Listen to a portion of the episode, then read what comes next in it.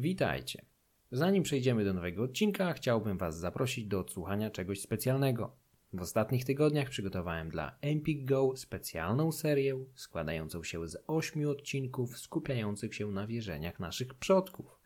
Będę w nich opowiadał głównie o polskich diabłach, smokach i czarownicach, ale znajdzie się tam też trochę miejsca dla innych postaci tak popularnych w słowiańskim folklorze, o których nie mówiłem jeszcze w moim podcaście.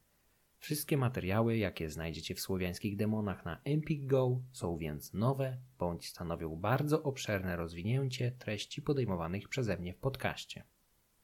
Z okazji premiery podcastu mam dla Was specjalny kod, który daje Wam 30 dni darmowego słuchania i czytania w aplikacji Empik Go z kodem Demony30 posłuchacie dedykowanej serii słowiańskich demonów bezpłatnie. I nie tylko – Pierwsze pięć odcinków można odsłuchać już teraz w aplikacji. Kolejne będą ukazywać się w każdy poniedziałek do 7 czerwca. Kod Demony30 możecie aktywować do 15 czerwca na stronie empik.com łamane na Go Free. Kod wyłącznie dla nowych użytkowników. Nie wymaga podpięcia karty, więc po okresie próbnym można zrezygnować bez ponoszenia żadnych kosztów. Zapraszam. Słońce towarzyszyło ludziom od zawsze pod postacią życiodajnej, ognistej tarczy wiszącej na nieboskłonie.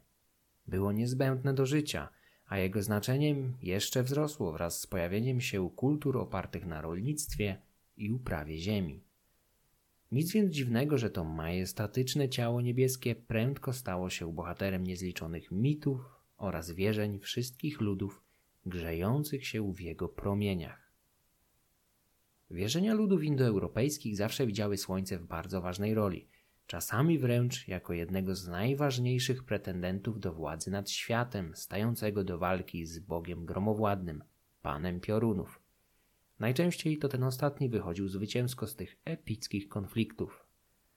W sanskryckiej Rigvedzie mamy szansę czytać o walce gromowładnego Indry z personifikacją słońca, jakim był Surya. Władca tysiąca promieni, zrodzony z prastarego bóstwa nieba, Diausa.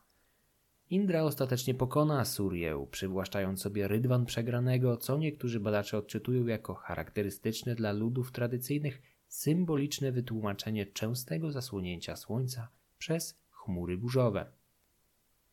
Wydaje się, że wraz z rozwojem cywilizacji Słońce, chociaż ciągle istotne, traciło na znaczeniu w stosunku do wspomnianych bóstw zarządzających piorunami. W antycznej Helladzie tytan Helios wsparł Zeusa podczas jego wojny z pozostałymi tytanami, dzięki czemu po zwycięstwie tego ostatniego nie został ukarany uwięzieniem w czeluściach podziemi, a stał się panem promieni słonecznych.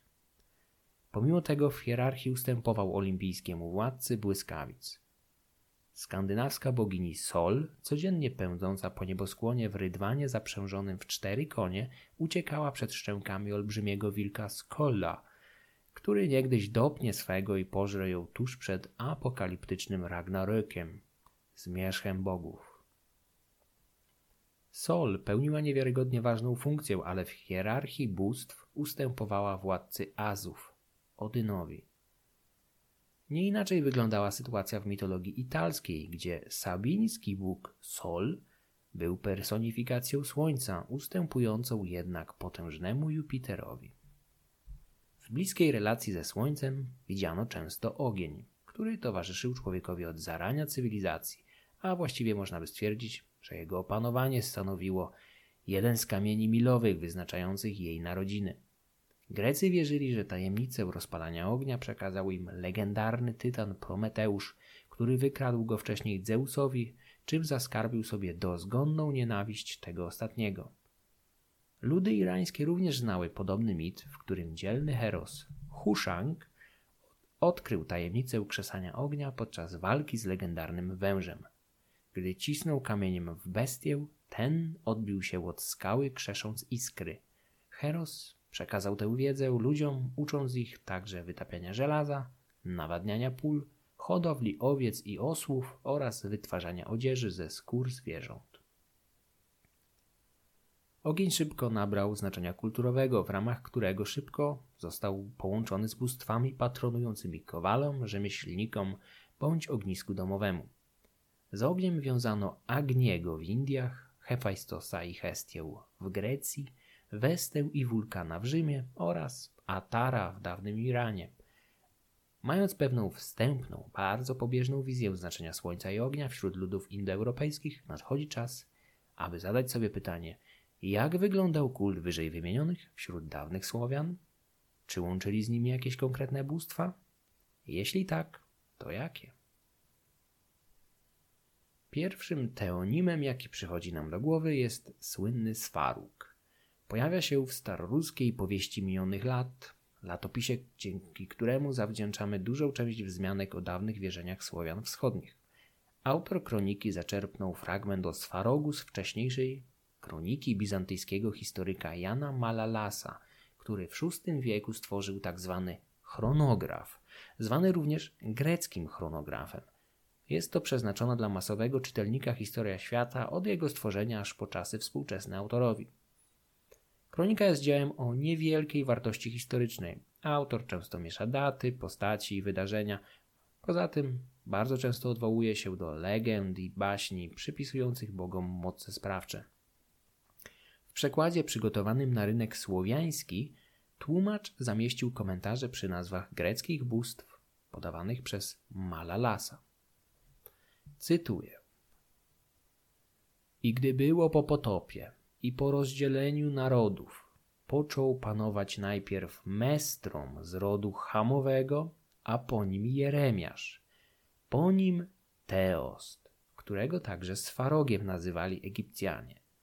Za panowania tego Teosta w Egipcie spadły kleszcze z niebios i poczęli Egipcjanie kuć oręż, pierwej bowiem palicami i kamieniami bili się – Ów zaś Teost zakon ustanowił, aby niewiasty za jednego mężczyznę wychodziły i żyły wstrzemięźliwie, a która cudzołoży karać rozkazał.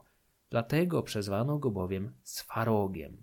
Przedtem bowiem niewiasty wszeteczniły z kim chciały jak zwierzęta. Jeśli urodziła dziecko, to oddawała je temu, który jej był luby, mówiąc, to twoje dziecię. On zaś urządzał święto i brał je.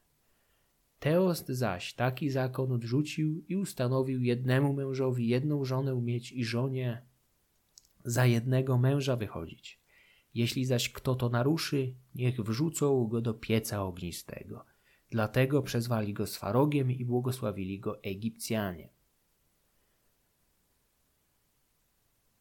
Przez zakon autor ma na myśli prawo, natomiast przez tajemniczego Teosta rozumie Hefajstosa, greckiego boga ognia i kowali. Najwyraźniej, aby ułatwić czytelnikowi zrozumienie atrybutów bóstwa, tłumaczy go dla nich imieniem słowiańskiego bóstwa bliskoznacznego Swaroga. Gdyby wierzyć kronikarzowi, a następnie komentującemu tłumaczowi oryginału, Swaruk byłby bogiem ognia rzemiosła, kowalstwa. Zaś jego imię miałoby się wywodzić od surowości jego charakteru i przekonań, Bóg rzemiosła i konserwatywnej wizji rodziny. Jak dowiadujemy się dalej z kroniki, Sfaruk miał syna. Cytuję. I potem panował syn jego imieniem Słońce, którego nazywają dać Bogiem. Siedem tysięcy i czterysta i siedemdziesiąt dni, czyli było lat dwadzieścia z połową. Nie znali bowiem Egipcjanie innego liczenia. Owi po księżycu liczyli, a drudzy dniami lata liczyli. Liczbę bowiem dwunastu miesięcy potem poznali, gdy poczęli ludzie dań dawać carom. Car Słońce, syn Swarogowy, to jest dać Bóg, był mężem silnym. Usłyszawszy od kogoś o pewnej Egipcjance bogatej i znakomitej i o pewnym człowieku chcącym wszetecznić z nią, Szukał jej, by ją pojmać, a nie dać naruszać zakon ojca swojego Swaroga. Wziął ze sobą mężów kilku swoich i znając godzinę, o której cudzołoży, nocą naszedł na nią pod nieobecność męża jej, a ją znalazł leżącą z innym, którego chciała. Pojmał tedy ją i męczył i posłał wodzić ją po krainie na pohańbienie, a tamtego cudzołożnika ściął. Koniec cytatu. Tajemniczy Daćbóg miałby być więc personifikacją słońca, słowiańskim Heliosem przejmującym władzę po srogim ojcu. Nieskomplikowana z pozoru historia szybko jednak się komplikuje. Przede wszystkim nie wiadomo na ile rzetelną pracę wykonał tłumacz, który być może na siłę dopasował słowiańskie teonimy do helleńskich odpowiedników. Samo dzieło Jana Malalasa też wydaje się obarczone błędami, choćby ze względu na przypisanie Hefajstosowi ojcostwa Heliosa, który, jak wiemy z mitologii greckiej, był dzieckiem pary tytanów Hyperiona oraz Tei, a także wnukiem Uranosa. Był więc znacznie starszy od szpetnego boga Kowali i późniejszego męża Afrodyty.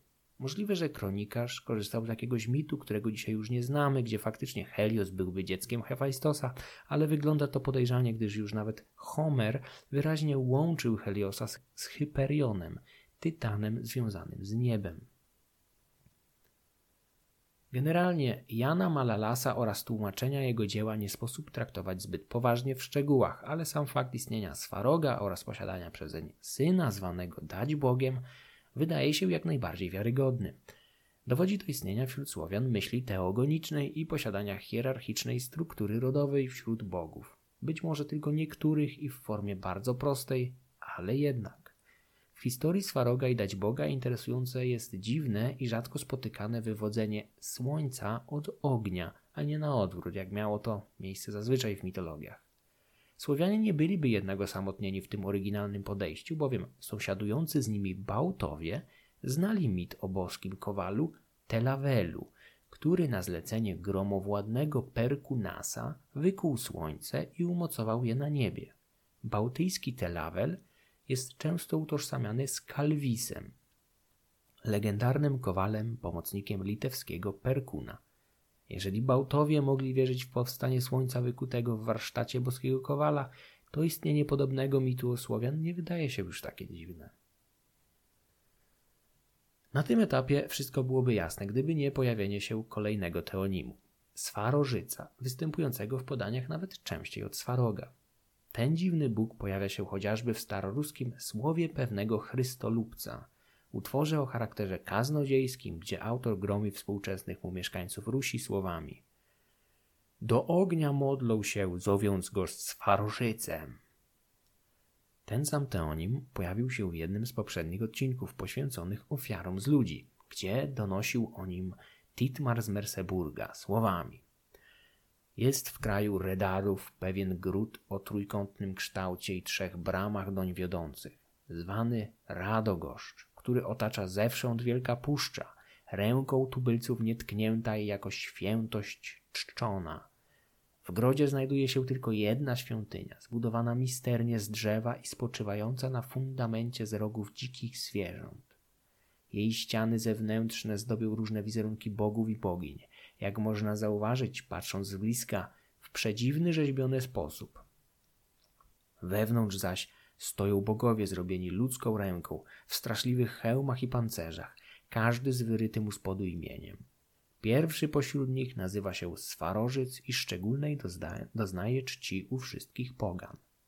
Gdy na wojnę ruszają, zawsze go pozdrawiają, gdy szczęśliwie z niej powracają, czczą go należnymi darami. O ofiarach z ludzi składanych pod sztandarami Swarożyca wspominał również Bruno z Kwerfurtu pełnym wyrzutów liście do cesarza Henryka II, w którym piętnował sojusz katolickiego monarchy z poganami przelewającymi krew chrześcijan w darze swemu Bogu Swarożycowi. Niemiecki kronikarz Adam z Bremy wspomina o istnieniu w Radogoszczy Boga o imieniu Radogost, który wydaje się być lokalną odmianą Swarożyca. Titmar przypisywał Swarożycowi największe znaczenie wśród bóstw czczonych w tym miejscu, stąd Radogost jest powszechnie identyfikowany ze Swarożycem bądź Swarogiem. Imię Radegost, zanotowane przez Adama z Bremy, może być tłumaczone jako miły gość, co skłaniało specjalistów do uznawania boga Redarów za bóstwo gościnności.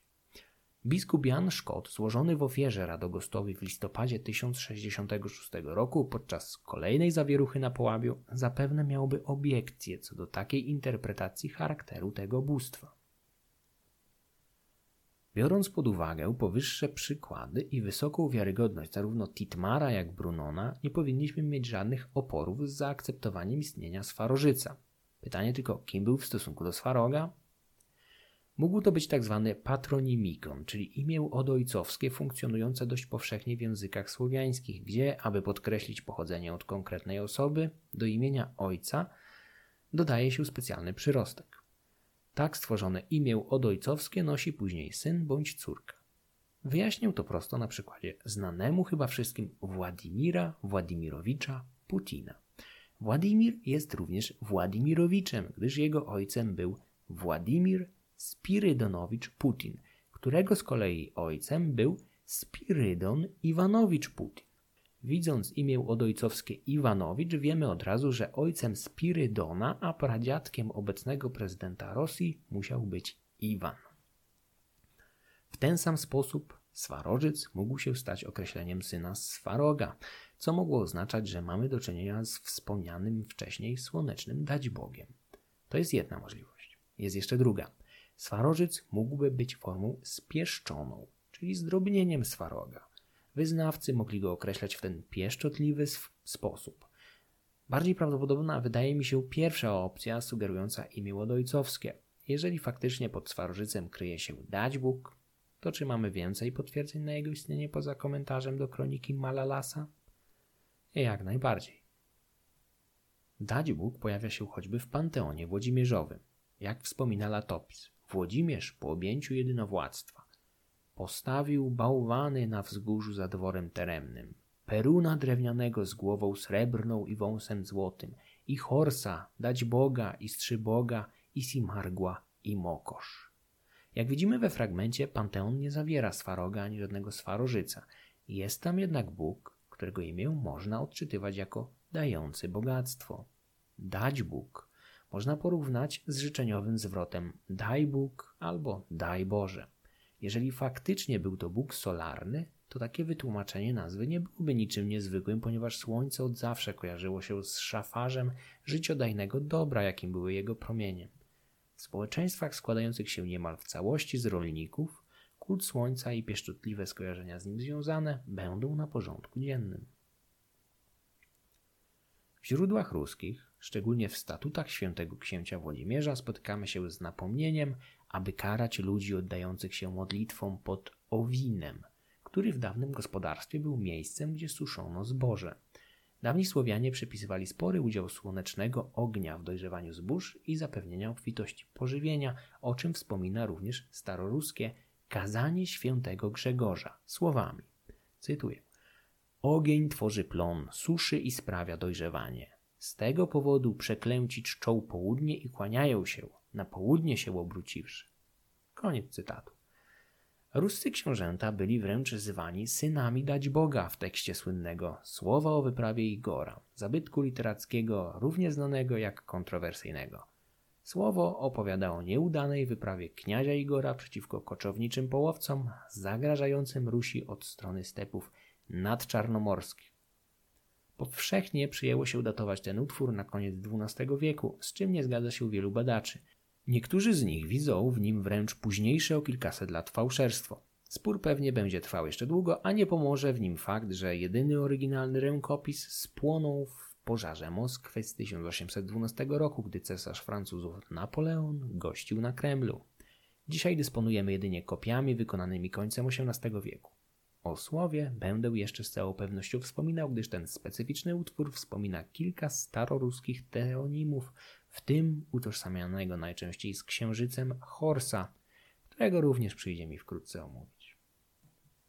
Gdzieniegdzie na Słowiańszczyźnie można spotkać nazwy miejscowości takie jak mazowieckie i wielkopolskie wioski Dać Bogi, których nazwy powstały w podobny sposób do teonimu domniemanego syna Swaroga. Termin stojący za imieniem dać Boga nie wygląda na zapożyczenie. Badacze już w XIX wieku traktowali je jako autentyczne słowo o charakterze wspólnym Słowianom, Indom oraz Irańczykom. Podobny pogląd podziela większość obecnych specjalistów. Z ciekawą hipotezą wystąpił kiedyś slawista Leszek Moszyński, widząc w dać Bogu nie imię własne Boga, lecz przedchrześcijańskie pozdrowienie wymieniane pomiędzy dawnymi Słowianami, znaczące dokładnie to samo co dzisiejsze Daj Boże. Zdaniem tego badacza, redaktor powieści minionych lat, Nestor, najzwyczajniej w świecie pomylił pozdrowienie z imieniem Boga i w takiej formie dopisał kolejnego członka Włodzimierzowego Panteonu. Hipoteza ciekawa, ale mało popularna. Dlaczego jednak, skoro w Panteonie znalazł się Bóg, zabrakło miejsca dla Swaroga? Ciężko wyjaśnić to w sposób inny aniżeli spekulacjami. Religie wszystkich ludów są systemami ewoluującymi. Panteon poprzednich pokoleń może nie znaleźć uznania wśród kolejnych. Joseph Campbell streścił to zapadającymi w pamięć słowami. Cechą żywego Boga nie jest uparte trwanie w bezruchu, ale przemiana i płynność. Wielka postać danej chwili istnieje tylko po to, by ją złamać i powalić, poćwiartować i części jej ciała rozrzucić wokół. Tymi słowami słynny mitograf podsumowywał konieczność ciągłych przetasowań w panteonach dawnych społeczeństw. Pradawnego Uranosa wykastrował kamiennym sierpem jego syn Kronos. Ten drugi z kolei uległ własnemu potomkowi Zeusowi, którego nie zdążył w porę pożreć. Zeus przegnał większość przedstawicieli poprzednich pokoleń i zastąpił ich swoim rodzeństwem lub potomkami. W religiach istniejących dłużej od greckiej takich przetasowań jest nawet więcej. Analizując wierzenia ludów Mezopotamii czy Indii, znajdziemy całe pokolenia dawnych, zapomnianych bogów, zepchniętych do zakurzonej piwnicy przez bardziej krewkich następców. Możliwe, że podobna sytuacja spotkała Swaroga, zwłaszcza, że w wierzeniach ludów indoeuropejskich pierwotne bóstwa kojarzące się w jakiś sposób z niebem często lądowały na śmietniku historii. Przykładem wspomniany niebiański Uranos czy pradawny wedyjski Diaus, bóg personifikujący dzień i jasne niebo. Swaruk również mógł stać się bogiem poprzednich generacji, co prawda pamiętanym, ale traktowanym jak wujek, który 20 lat temu wyjechał do Australii i od tego czasu rodzina dostała od niego tylko kilka kartek na święta. Niby jest, ale tak po prawdzie to nikt nie bierze go pod uwagę, chyba że przyjdzie do podziału jakiegoś majątku. Wspominałem w poprzednich odcinkach o znanym w religioznawstwie terminie Deus otiosus, Bóg nieobecny, używanym na określenie bogów takich jak wspomniany Uranos czy Diaus. Nie dysponujemy wystarczającą ilością źródeł, aby zaklasyfikować do tej grupy Swaroga, ale nie jest to wykluczone. Skoro w przeciwieństwie do Mikołaja Kopernika poruszyliśmy już Słońce, teraz zajmijmy się ogniem. Ogień był darzony przez dawnych Słowian szczególnym szacunkiem, o czym wspominał już perski geograf Ibn Rustech, pisząc o Słowianach w X wieku, że wszyscy oni są czcicielami ognia, najwięcej sieją prosa. W okresie żniw biorą do czerpaka ziarna prosa i podnoszą je ku niebu, mówiąc O Panie, który dajesz nam pokarm, daj nam go teraz w pełnej miarze. Brzmi podobnie do ruskiej relacji o kulcie słońca pomagającego dojrzewać zboże zebrane w owinie? Bez wątpienia. Co ciekawe, szczególne uwielbienie dla tego żywiołu przetrwało setki lat i jeszcze w XIX wieku etnografowie wciąż dostrzegali silne znaczenie kultu ognia w magii i obrzędach oraz pod postacią ogniska domowego i więzi rodzinnych. Ognisko domowe bardzo ściśle łączono z kultem domowych demonów, wspominanych już kiedyś przeze mnie domowików i ubożąt. Kult ognia trzymał się szczególnie mocno na obszarach Polesia i Małorusi, czyli Rusi południowo-zachodniej, w której skład wchodziła dzisiejsza Białoruś oraz spora część Ukrainy. Kult ognia zachował się nieco słabiej na Bałkanach oraz Rusi północno-zachodniej, tzw. Tak Wielkorusi – a bardzo słabo na obszarach zachodniej Słowiańszczyzny, gdzie w XIX wieku widoczny był już jedynie jego słaby cień. Kazimierz Moszyński zauważył, że wśród zjawisk atmosferycznych nie ma drugiego, do którego lud czułby tak dużą sympatię, jak do świętego ognia. Stosunek ludu do ognia charakteryzowało silne i szczere przywiązanie, połączone z głęboką, poważną czcią, której fundamentem była bojaźń. Lęk przed ogniem był jak najbardziej uzasadniony, gdyż w drewnianym, wiejskim budownictwie jedna zbłąkana iskra mogła pozbawić życia i majątku całą rodzinę. Nawet dzisiaj pożar wzbudza olbrzymi lęk i niejednokrotnie kończy się poważnymi stratami materialnymi, pomimo że żyjemy w świecie, gdzie straż pożarna istnieje w każdej niemal wiosce, a łatwopalne drewno nie jest już podstawowym materiałem budowlanym. Sam ze swoich doświadczeń pamiętam panikę, jaka ogarnęła ludzi nocujących razem ze mną dwa lata temu w jednym ze zrekonstruowanych grodów wczesnośredniowiecznych, gdy nad samym ranem ogień od świeczki przeskoczył na pobliską belkę i zaczął piąć się do góry. Zauważono go w momencie, gdy był jedynie pół metra od pokrytego strzechą dachu największej chaty, w której spało kilkanaście osób. Kilkanaście minut i byłoby już za późno. Na szczęście przynajmniej kilka osób było dość trzeźwych, aby ugasić zarzewie nieuchronnego pożaru. Z drugiej strony, ja spałem w innej chacie, a gród nie był mój, więc co mi tam, niech się grododzierżca martwi. Czesław Pietkiewicz, badacz kultury ludowej Polesia, zanotował niegdyś chwytającą za serce historię pewnego umierającego starca, niejakiego Akuły, lokalnego cieśli ze wsi Karczewa. Cytuję. Konający starzec leżał w swej chacie. Był późny wieczór i w kącie, gdzie spoczywał, panował półmrok. W pewnej chwili, na kilka godzin przed śmiercią, starzec wydobył krzesiwo i począł krzesać, pomimo że ręce odmawiały mu już posłuszeństwa. Widząc to, jeden z obecnych zapalił łuczywo od zwykłego ognia, rozniecanego już w tych czasach zapałkami i przyniósł starcowi. Ten jednak rzekł: Nie potrzeba mi waszego ognia na tamten świat. Ja chcę zobaczyć ostatni raz Boży ogień ze świętego krzemienia. Nie za długo później, przez wzgląd na wyraźną w tej mierze prośbę Akuły, włożono mu odwiecznym zwyczajem kamień, krzesiwo oraz chubkę do trumny i pochowano je wraz z ciałem. Koniec cytatu. W zapiskach etnograficznych z terenów Polesia zachowały się wspomnienia szczególnego szacunku, jakim darzono sam proceder rozpalania ognia w chłopskich chatach. W czasach, gdy elektryczność była jedynie fantastyką naukową bądź zwyczajnym marzeniem, zapadnięcie z mroku błyskawicznie zasiewało niepokój w sercach ludzi. Noc poszerzała władzę pierwotnego chaosu, w którym mogły czaić się demony i wszelakie bestie. Dopiero rozpalenie ognia uspokajało chłopską rodzinę, dając ciepło oraz jasność, rozświetlającą nieprzeniknione ciemności. Żeby to zrozumieć, wystarczy chociaż raz spędzić noc w lesie. Zdarzyło mi się to już wielokrotnie i za każdym razem uczucie jest takie samo. Zmrok przynosi niepokój, który znika wraz z rozpaleniem ogniska. Potęga drzemiąca w ogniu rozświetlającym mroki nocy stała się powodem przypisywania mu siły ochronnej, apotropaicznej, broniącej przed złem. Ogień w chłopskich chatach powszechnie utożsamiano z postacią Chrystusa, którego w symbolice kościelnej reprezentował właśnie ten żywioł. Nie oznacza to jednak wcale, że dopiero chrześcijaństwo zasiało wśród Włościan tak głębokie uwielbienie dla płomienia.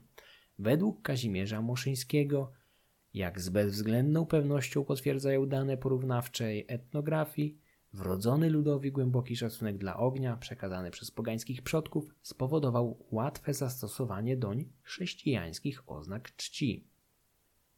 Fakt, że zapalaniu ognia wśród poleszuków czy hucułów towarzyszyły chrześcijańskie modlitwy, nie przekreśla pogańskiego rodowodu tego typu religijnych uniesień, przekazywanych z pokolenia na pokolenie.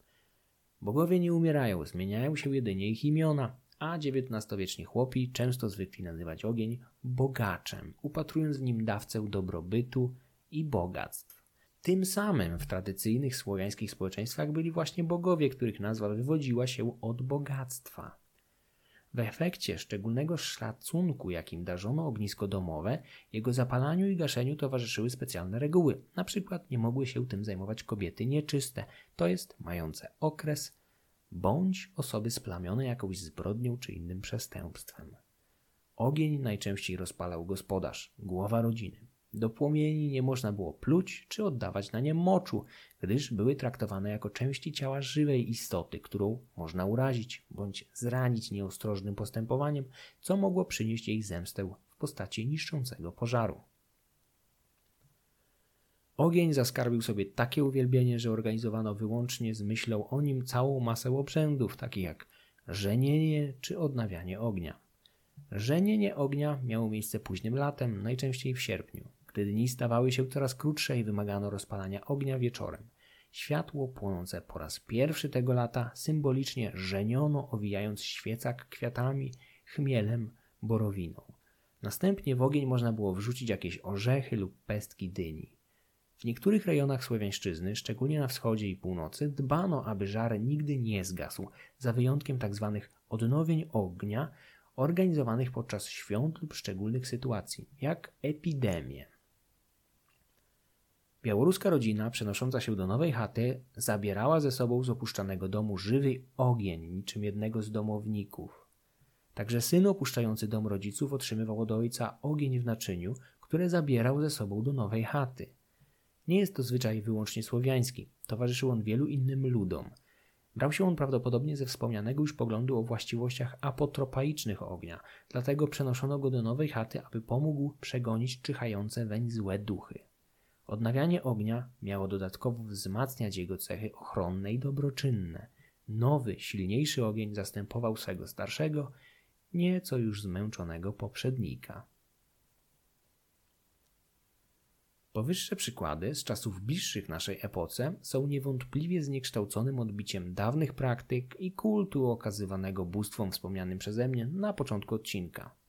Muszyński zauważał, że, cytuję, kult ognia u Słowian jest niewątpliwie odwieczny. Z bezpośrednich dowodów, które by to poświadczały, zasługują na szczególną uwagę dane zawarte w pomnikach cerkiewnego staroruskiego piśmiennictwa, w kazaniach cerkiewnych, względnie w ich odpisach. Dane te polegają na jednym jakimś starszym wspólnym źródle i stwierdzają, że na Rusi gdzieś w pierwszych wiekach chrześcijaństwa modlono się do ognia swarożycza. Koniec cytatu. Etnograf zauważa w tym miejscu, że niemożliwe jest stuprocentowe wyjaśnienie etymologii tego swarożyca, tak jak zauważyłem wcześniej. Może tutaj chodzić o syna Swaroga bądź zdrobnienie jego imienia. Sam Swarug zaś mógł odpowiadać jednocześnie za ogień, słońce i niebo, bądź każde z nich z osobna. Podsumowując, duża liczba potwierdzeń źródłowych pochodzących tak ze wschodniej, jak i zachodniej czy północnej Słowiańszczyzny każe nam uważać, że dawni Słowianie czcili pod nazwą Swaroga jakieś bóstwo słoneczne bądź ogniowe. Z czasem Bóg zawarł w sobie zarówno ogień niebieski, jak i ziemski, dzięki czemu utożsamiano z nim bądź jego domniemanymi synami zarówno słońce, jak i wszelkie odmiany ognia. Przed zakończeniem chciałbym jeszcze raz polecić wszystkim zainteresowanym moją nową serię stworzoną dla Empiku, której pierwsze pięć odcinków możecie posłuchać za darmo, korzystając z kodu, jaki podałem na początku tego odcinka. Jakiś czas temu natrafiłem na Spotify na ciekawy podcast, który może również Was zainteresować. Zwie się Kiedyś to było. Jego autorem jest Radosław Biel. Przy jego powstaniu brało udział Muzeum Początków Państwa Polskiego w Gnieźnie. Seria składa się z ośmiu ponadgodzinnych wykładów specjalistów poruszających tematykę wczesnego średniowiecza. Wśród nich dwa opowiadają wyłącznie o wierzeniach dawnych Słowian, a jedno o ich chrystianizacji. Polecam. Kiedyś to było. Chciałbym również z całego serca podziękować wszystkim patronom tego podcastu, dzięki którym powstaje więcej dłuższych odcinków. Szczególnie zaś patronce w randze Peruna, Adzie. W przygotowaniu tego odcinka szczególnie pomocne były następujące książki. Encyklopedia mitologii ludów indoeuropejskich Andrzej M. Kępiński. Bogowie dawnych Słowian. Studium onomastyczne. Michał Łuczyński. Mitologia Słowian. Aleksander Gejsztor. Kultura ludowa Słowian, tom drugi, Kazimierz Muszyński. Wykorzystano fragmenty kronik m.in. Nestora, Ibn Rostecha i Titmara oraz fragment Bohatera o tysiącu twarzy, Josepha Campbella.